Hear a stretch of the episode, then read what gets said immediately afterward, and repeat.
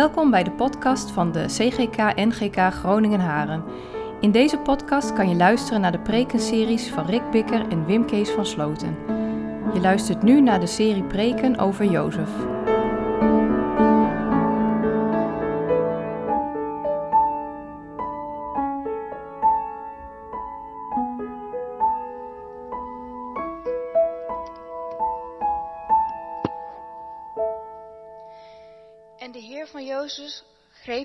Leverde hem over in de gevangenis, de plaats waar de gevangenen van de koning gevangen zaten. Zo zat hij daar in de gevangenis.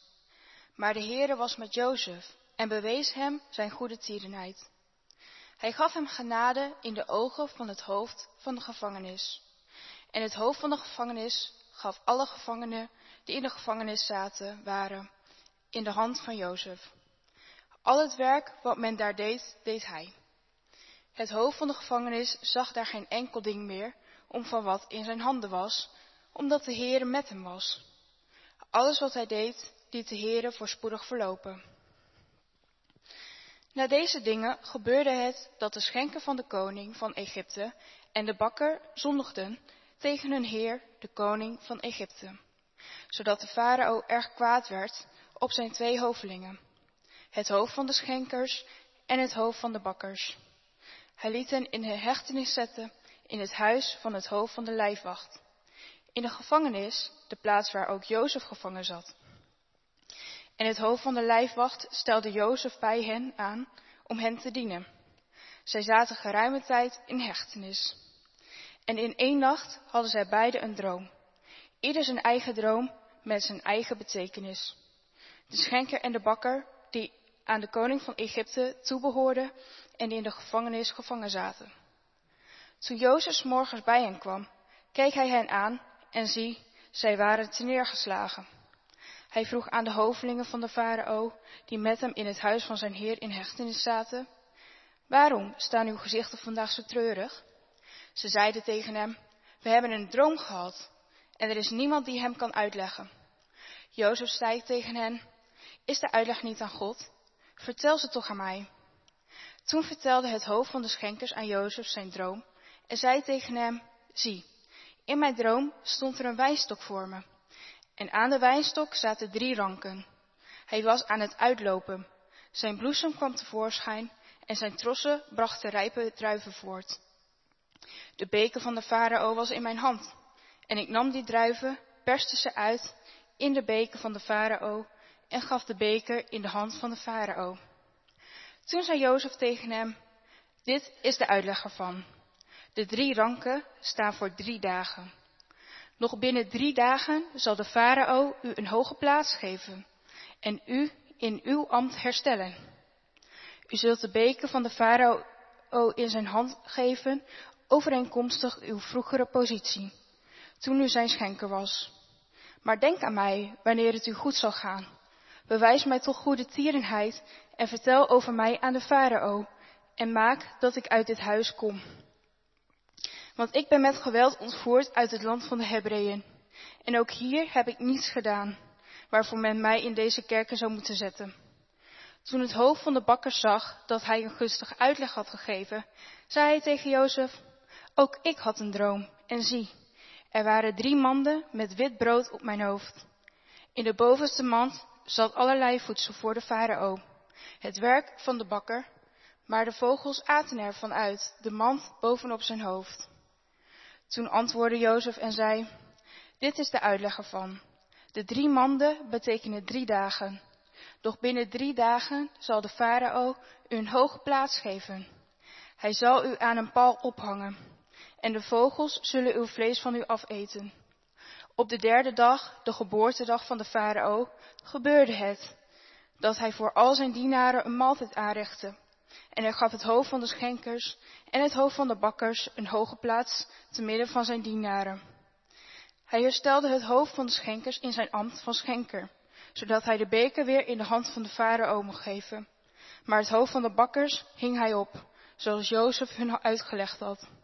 Het hoofd van de schenkers dacht echter niet meer aan Jozef, maar vergat hem. Zalig ben je als je Gods woord hoort, het woord bewaart in je hart en er werkelijk ook helemaal uitleeft elke dag. Gemeente, Jozef, aflevering 3 alweer. Boven de preek zet ik eigenlijk ook, en zo begin ik ook, schiet mij maar lek. Echt wel. Had Jozef elf jaar geleden dromen gekregen, dat hij het heel goed zou krijgen, dat hij op een dag verhoogd zal worden, dat er zelfs voor hem gebogen zou worden. Maar wat moest de jongen eerst van zijn zeventiende tot nu zijn 28ste in onze geschiedenis allemaal meemaken?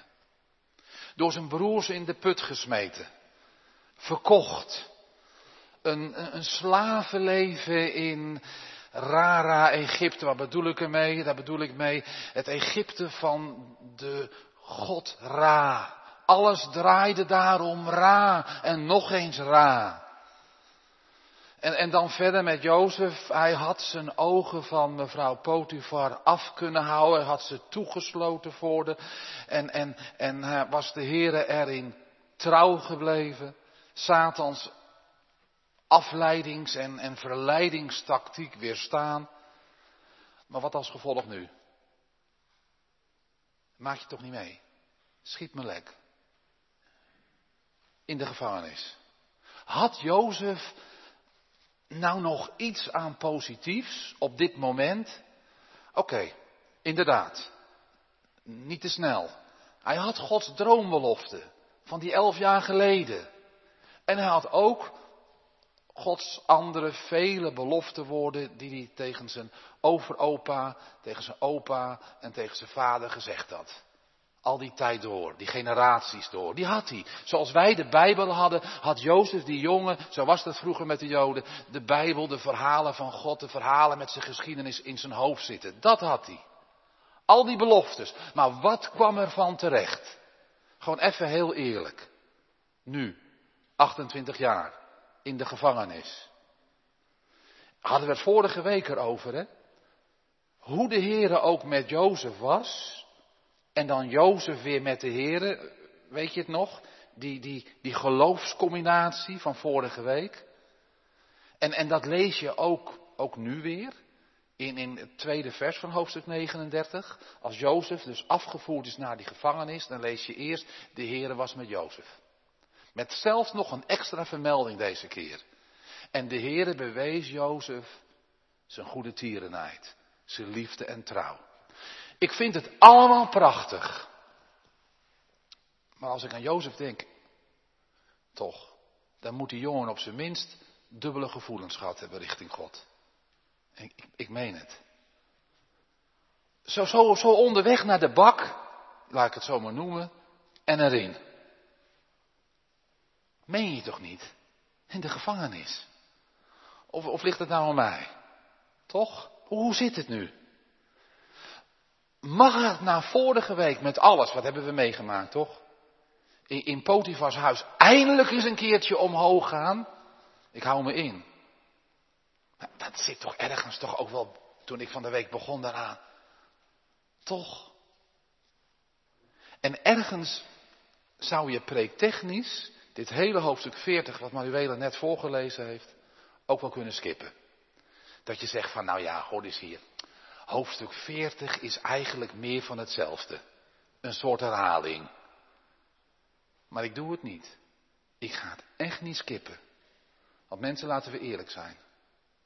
Hoe kan het leven zijn? Hoe kan ons leven, jouw leven zijn?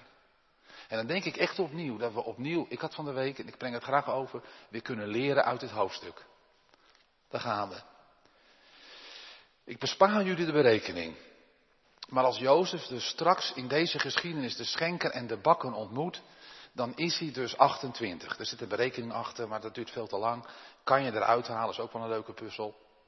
Heeft hij al zes jaar in de gevangenis gezeten en moet hij nog twee volle jaren erin zitten.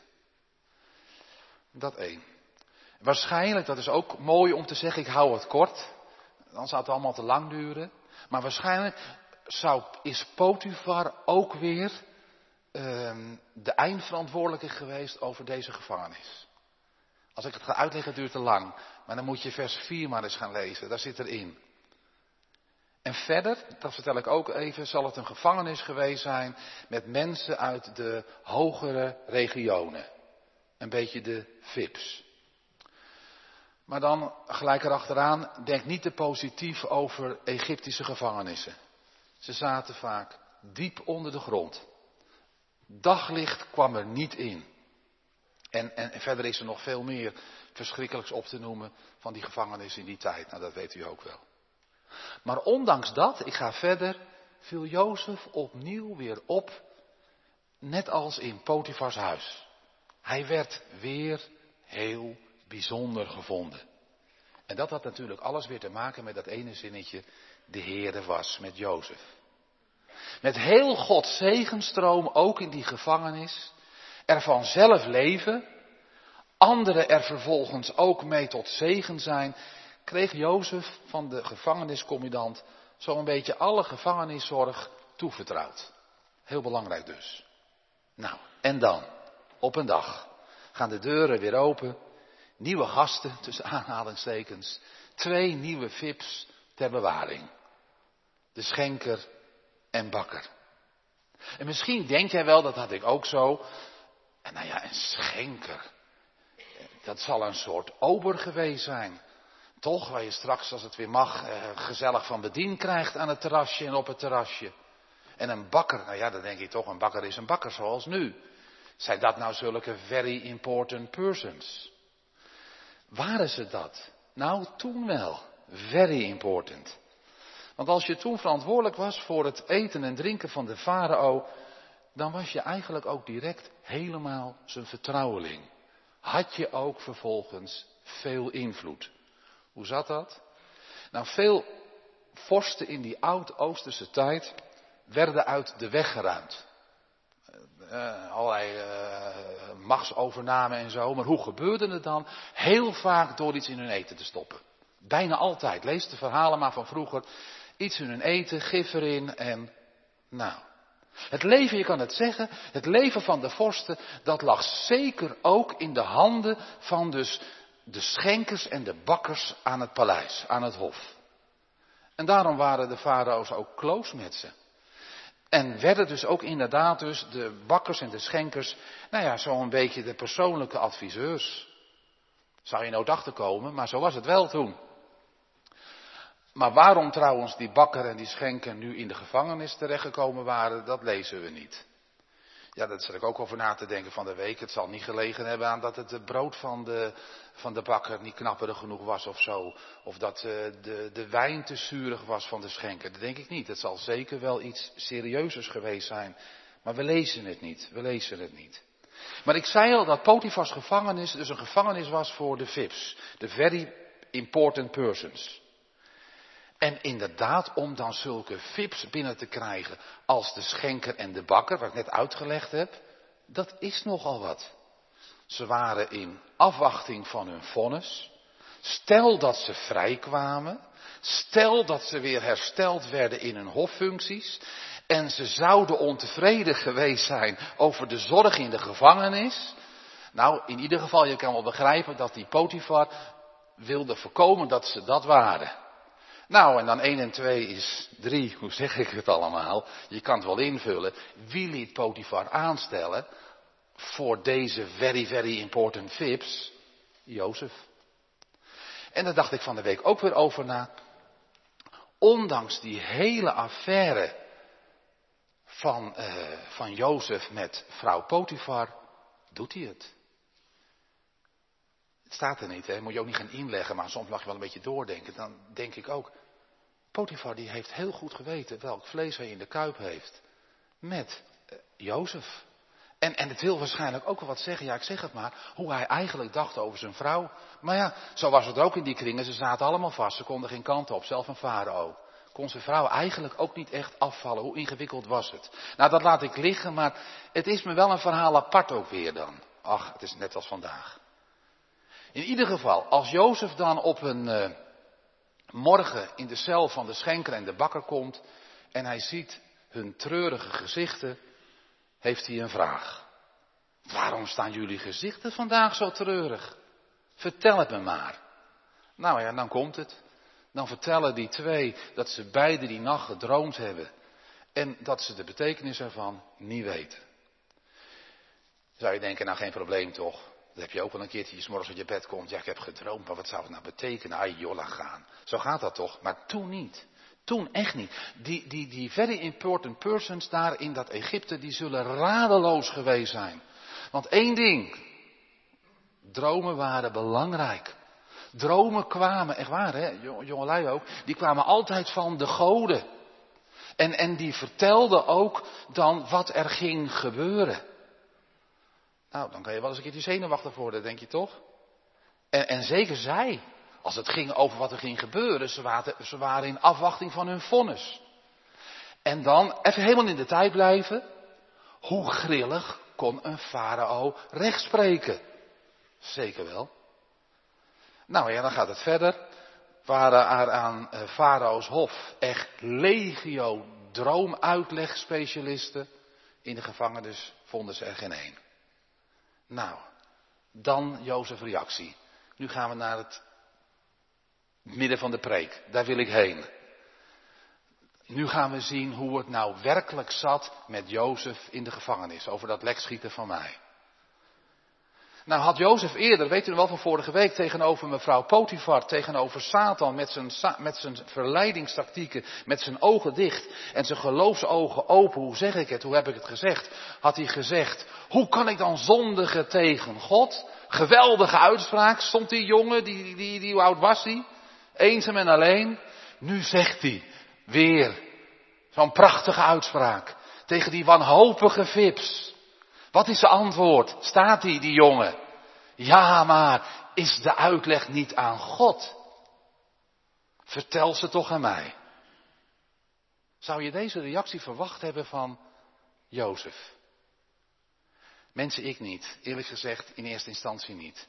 Ik zou het echt niet vreemd gevonden hebben als Jozef nu gezegd had, nou mannen, hoor eens hier, ik heb ook wel eens een keertje gedroomd. Nog twee keer achter elkaar ook. En ik dacht er toen heel wat van. Ik was 17 toen. Ik weet het nog heel goed. Ik ben inmiddels 28. En in al die jaren ben ik alleen maar dieper weggezakt. Jaren die normaal de mooiste van je leven horen te zijn, is het niet. Mannen, laat mij uit je dromen helpen. Dromen zijn bedrog. En ik geloof niet dat ze van God komen. Dus helaas pindakaas, ik vul het maar in. Wat willen jullie op je brood hebben? Zeg het maar, gaan we verder. Dat had ik een normale reactie gevonden. Gewoon bij mezelf blijven. Natuurlijk, ik kom ook wel verder, maar toch. Elf jaar, helemaal niet denken van, hè. Dat is mijn tijd geweest. Wat heeft die gast meegemaakt? Wij kijken erna. Wij weten precies hoe het afgelopen is. Dan kan je ergens makkelijk praten. Maar je moet er maar middenin zitten in een verschrikkelijke gevangenis. En een God die van alles beloofd heeft. Toch? Je zult wel denken, wat, wat staat die dominee vreemd te praten? Maar ik wil gewoon eerlijk zijn. Maar gemeente, Jozef leerde mij. Want Jozef zegt dat niet. Een 28-jarige. Nog een keer. Al elf jaar niets van Gods belofte zien uitkomen.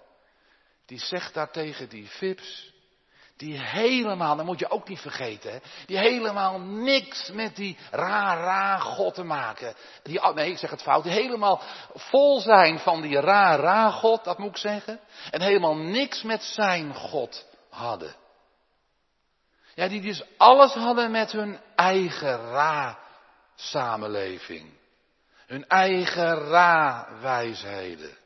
Hun eigen ra-enorme piramidebeschaving.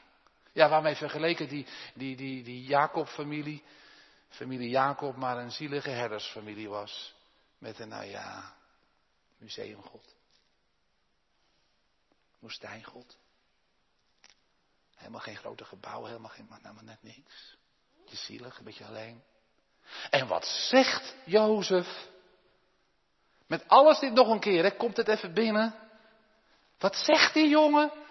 Maar zijn de uitleggingen niet aan God? Met een hoofdletter. Israëls God. En, en dan, dan hoor ik ergens, laat ik dat maar zeggen, ik weet niet of een beetje de psalmen thuis bent, maar dan hoor ik er ergens psalm 56 in. En dat gaat me door merg en been. Werkelijk waar, misschien u ook wel. Want we hebben allemaal wel last van dubbele gevoelens, of niet? Toch? Of je hebt het gehad, of je kent het, of je kent anderen. Dubbele gevoelens richting God. Laat ik het gewoon maar eerlijk zeggen, ook in deze tijd met alles. Nou, dat had David ook in Psalm 56. Aan de ene kant, hoe zeg je het? Wordt hij verslonden? Wordt hij opgeslokt door nood en leed? En weet hij het niet meer nergens te zoeken? En zingt hij aan de andere kant. Lees het maar na, Psalm 56. Het is mijn moeders lievelingspsalm. Ze is mee getrouwd. En dan mag ze zo meteen, heeft ze al aan mij doorgegeven, ze kijkt, ook mee begraven worden. Nou, misschien hebben jullie ook wel. Nou, ik vind er ook wel in zitten. Want aan de andere kant, met alles van David, zingt hij vol kracht. En Jozef zingt mee, richting de vips. Maar hoe het ook is met me, ik, daar komt hij, een beetje moeilijke taal, maar ga even mee. Ik roem in God. Ik prijs het onfeilbaar woord.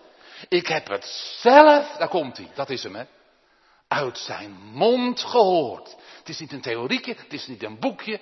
Ik roem in God, want ik heb het zelf uit zijn mond gehoord. Door mijn hele leven lang het in mijn kopie te hebben. En van Abraham gehoord te hebben. En van Jacob gehoord te hebben. En van Isaac, mijn overopa en mijn opa gehoord te hebben. En jij kan misschien zeggen, ik heb het in mijn kerk altijd gehoord. Ik hoop het. In ieder geval over Jozef. Weet je wat ik hier zie? Ik zie de Heilige Geest krachtig aan het werk. En krachtig aan het uitwerken in die 28 jaar. 28-jarige. Met nog een getal. 11 jaar aan teleurstellingen. En weet je wat ik daaruit leer? Want het is echt waar, hè? Luister goed naar mij. Ik, het is heel radicaal voor mij, hè? Het is niet gemakkelijk wat ik zeg, hè? maar het is wel waar. Geloven heeft niets met je omstandigheden te maken. Geloven is alles loslaten. En het is moeilijk, ik kom terug hè, maar blijf erbij. Hopen op God en God alleen. En daar komt hij, wat Jozef zei. Gaan we naar de kern van de preek. Die zelf zijn beloftes uitlegt. Uitlegt, openlegt, ontvouwt, waarmaakt, uitvoert. Jozef was, ondanks alles, dat wisten we, met de Heere. En de Heere was met hem. En jij? U? Jozef bad in zijn gevangenis dus, hè, nog even. Heren, hij heeft het gebeden, ik weet het zeker. Dat zit er gewoon helemaal in. Dat ene zinnetje is dan de uitleg niet aan God. Hij heeft het gebeden. Heren, is dit uw weg met mij? Ik heb geen antwoord gekregen. Zes jaar lang. En heb heel vaak gebeden, ik begrijp u niet. Maar daarachteraan heeft hij gezegd, misschien soms ook niet. Vaak wel, ik weet niet. Maar toch hou ik uw hand vast. En waarom? Want u bent mij alles. En eens ontvang ik ook alles van u. Ik zeg het in een heel klein zinnetje, hè? Ik zou er een half uur over kunnen uitweiden, doe ik niet. Maar voel je, komt het over. Wat zit daarin? Kan jij het bidden? Kan jij dat nou bidden? Als jij dat kan bidden. Al kan je maar een heel klein beetje bidden. Heren, u weg, ik begrijp het niet, maar hou mijn hand vast. Dan komt het goed en wordt het toch veel beter. En ik zie er niks van. Dat. Dat is, als je het op school vertelt, dan verklaren ze je voor gek. Dan zeggen ze, je kan opgenomen worden. Laat ik het gewoon maar even zeggen. Of ze zeggen dat die willen vriendelijk tegen je zijn. Maar dat is toch wel. Nou. Maar ik zeg dat jij een multimiljonair bent. Die er niet te vinden is. In heel de wereld. Als het hierover gaat. Ja, gelukkig zijn er nog veel meer. Maar het heeft niks met geld te maken. Want dan heb je namelijk niet heel veel. Ik heb een auto, ik heb een huis, ik heb een toekomst, ik heb een carrière, ik heb een opleiding dan heb je alles, ook in de ellende, als je niks meer hebt. En dan zeg je op de volgende vraag nee. zou de Heere mij beloven en het niet doen? Nee, ik ga gelijk verder. Ik zeg niet dat geloven gemakkelijk is. Echt niet. Geloven heb je niet in je broekzak zitten. En dat zouden we eigenlijk, en dat willen we als kerkteam ook gaan doen, getuigenissen op loslaten voor de jongeren. Dat zien ze hier de oma's en opa's in de kerk zitten van, wat halen ze dat geloof vandaan, hoe zit het? En bij de Connect ook nu voor de Come Together dienst, wat willen de jongeren? Nou dat is keer drie, we willen graag concreet geloof zien, zeiden ze tegen Gert-Jan. Wat dat nou concreet is. En dan kunnen we zeggen, geloven heb je niet in een broekzak zitten. Geloven is ook worstelen. Dat je het ook niet weet. Smeken en schreeuwen naar de hemel, waarom? Maar dan wel er altijd achteraan. Altijd. Daar komt u weer. Luister goed. Het daarom. De verklaring. De uitleg. Hoe het verder gaat bij God en God alleen laten. Ik vind zo'n mooi zinnetje. Ben ik blij dat ik niet overgeslagen dit hoofdstuk. Is de uitleg niet aan God. Hoe de Heer met jou wil zijn. Hoe onbegrijpelijk ook. Zo is Hij. Zoek mij, terwijl ik te vinden ben. Strek je uit. Echt waar hè? Strek je uit, is de Heer met je. Ook in je nood. En jij erin met de Heer. En dan gaat het komen. Misschien als je jongen nog wat minder. Maar vallen en opstaan. Als je met hem gaat, ga je van geloven. Word je multimiljonair van. Als je dan gaat sterven, heb je misschien niks meer. Dan ben je toch multimiljonair. Want dan ga je zeggen, wat de toekomst mij brengen mogen. Mij geleid des Heere hand. Na het zuren, weer een psalm geeft hij zoet, druk verwisselt hij eens in geluk. Hoeveel minder stress, hoeveel meer hoop, ontspanning en vrede komt daarvan. Jozef mocht vervolgens de dromen gaan uitleggen. Hè? Het zal een gebed geweest zijn. Hoe positief voor de schenker. Die werd in functie hersteld. Hoe negatief voor de bakker. Hoe het verder ging met Jozef, is er nog geen namen. Want dat dubbel is echt nog wel gebleven. Mocht hij positief nieuws brengen aan die schenker, smeekt hij er wel achteraan. Denk aan mij, hè? Vertel over mij aan de farao. Maak dat ik uit dit huis kom, want ik ben met geweld ontvoerd uit mijn geboorteland. En ook hier heb ik niets gedaan waarvoor ik in deze cel zou moeten zitten. Nog een keer, hè? Niet te snel gaan, hè? Proef je, proef je Jozef diepe nood. Wat een geloofsgoud dan. Geloofsgoud. Om gelijktijdig te kunnen zeggen, is de uitleg niet aan God. Misschien heeft die schenker wel gezegd, ik ga eventjes verder. Misschien heeft die schenker wel gezegd in zijn enthousiasme op die vraag van Jozef, tuurlijk man, als ik weer in functie herstel ben, dan is het eerste wat ik doe voor je een koets regelen richting je familie. Maar zo is het niet gegaan. Vers 23. De schenker vergat Jozef. En zo gaat het vaker bij mensen.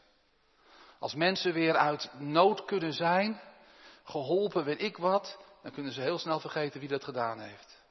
En dat is ook waar, richting de grote uitredder. Jozef zat nog twee volle jaren in de bak. Jozef heeft dat niet begrepen. En hij, hij, hij, hij, hij, zal misschien ook nog wel gezegd hebben, Heer, hoe zit het nu? Laat u mij meewerken aan de bevrijding van anderen en dan ik. Ik zie die toch ook onschuldig? Maar nog een keer, dat is het leven, hè? Dat is het leven. Dit is geen herhaling, dit is het leven. Tenminste, zo ken ik mijn leven ook. Zit je weer bij verlaag. En dan, maar is de uitleg niet aan God? En dan ben je weer hoger. En dan verder. Wij kunnen het zien. Hij toen nog niet. Maar hoe is het gegaan? Twee jaar later. Twee jaar later zou die erachter komen, die jongen. Dat God toch al die ellende, al die problemen, al die narigheid van hem ten goede laat komen. Ja, voor iedereen met wie God is. Dus ook Jozef. En, en zo zijn goede plan, komt hij weer, uitlegt, ontvouwt, ook uitvoert. Jozef heeft het gezien. Nou ja, hoe dan voor Jozef? Nou, nog even eerst weer, even terug. Twee jaar nog in die cel. Had dat nou zin? Hij heeft het later begrepen. Weet je, als die schenker, hè, als die nou wel aan Jozef gedacht had. En Jozef was vrijgekomen. En, en op de eerste, de beste koets richting Canaan gezet was. Dan was Jozef nood in Egypte onderkoning geworden. Dan, dan had, had Jozef nood zijn familie kunnen helpen uit die hongersnood. En dan was die hele familie van Jozef, dat is nog even belangrijk, omgekomen. Allemaal. En dan kunt het invullen, dan was het later nooit kerst geworden. Was de grote Jozef nooit geboren. Wat zeg ik veel, hè, in een paar zinnetjes. Jozef moest nog wachten totdat Farao problemen kreeg met dromen. Nou, in de volgende preekafleveringen komt Gods dromenlofte aan Jozef uit. Jozef wordt verhoogd. Jozef wordt koning. En miljoenen Egyptenaren gaan buigen voor hem. Ook zijn eigen familie. Van zijn zeventiende tot zijn dertigste was het zo anders, we hebben het gehoord. Waarom God? Nou, ik zei het al een beetje. Ik weet zeker als Jozef nu op het podium zou komen, dan zou hij het ons, hij zou het beter kunnen vertellen natuurlijk dan ik het kon vertellen. Dan zou hij zeggen van nou, zal ik het eventjes vertellen? Ik heb in die ellende gezeten daar in Egypte. Waarom? Om Egyptisch te leren. Om om te gaan met slaven. Om te gaan met leidinggevenden. Om om te gaan met rijken als Potifar. Ik heb in dat huis van Potifar gezeten en in de gevangenis op hoge posities om managementtechnieken aan te leren. En in al mijn nood, in al mijn ellende, heb ik geleerd niet enkel op de omstandigheden te letten en daarmee te rekenen, maar op God en op Gods belofte. Met geloof is de uitleg niet aan God. En zo, Jozef zou het zeggen. Zo leerde ik steeds meer zeggen, u voor mij, u in mij, u door mij. En zo leerde Jozef helemaal klaar te zijn om straks inderdaad, hij zou het zeggen, een groot land als Egypte te regeren. En zijn eigen familie te redden. Heb je daar wel eens over nagedacht? Het is wel moeilijk wat ik zeg, hè? Tegenslag en tegenstand. Eén ding, het komt niet, heel duidelijk. Komt niet van God. Het komt van Satan. Maar de Heere, hij is machtig, hij staat erboven. Hij kan het toelaten. En hij kan het, ik zeg het voorzichtig, gebruiken om je te vormen, te kneden, te leren voor later. Hij komt er altijd in mee, dat zeg ik er achteraan. Wil er altijd met je in zijn. Wat zijn, jij, wat zijn jouw problemen? Wat is uw nood? Dat kan heel veel zijn, hè? Wat mag ik nou tegen je zeggen? God is erin. God komt erin mee. En gebruik ze voor zijn kinderen ten goede. En leid je eruit. Echt. En nogmaals, ik zeg het, ik durf het bijna niet te preken, want je moet maar, en waar zit u in? Het is onbegrijpelijk.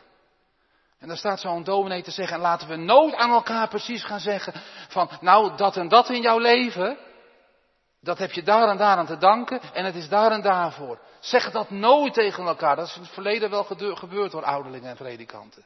Echt wel, met schade. Een ziekbed, nou kijk eens. Nooit doen.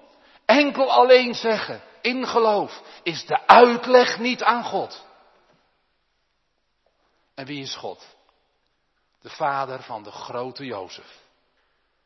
Jezus. Ga ik straks nog iets over zeggen bij de voorbereiding van het avondmaal. En dan zeg ik, strek je toch alsjeblieft uit, ook in je tegenslag, ook in je tegenstand. Jij met je gezin, wat je ook hebt. Doe het ook hier. Dit mag een oefenplaats samen zijn. Hoeveel mensen komen niet en verdorren niet in hun eentje met hun vragen. Echt wel. Wat goed dat we samen gemeente mogen zijn. Dit mag een oefenplaats zijn om deze hoge dingen. Ik word voor gek verklaard, hè? Eh, ja, dominee, is een mooie, mooie pep talk, maar er is niks van waar. Dat is hoe het in de wereld gezegd en geschreven wordt. Je moet zelf ergens doen en er is hulp, maar is de uitleg aan God?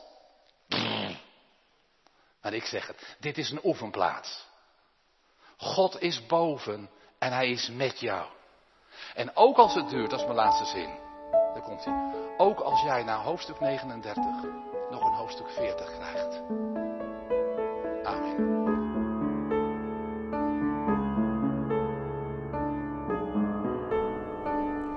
Bedankt dat je naar deze podcast hebt geluisterd. Wil je reageren? Stuur dan een e-mail naar podcast.cgk-gn.nl. Hopelijk tot de volgende aflevering.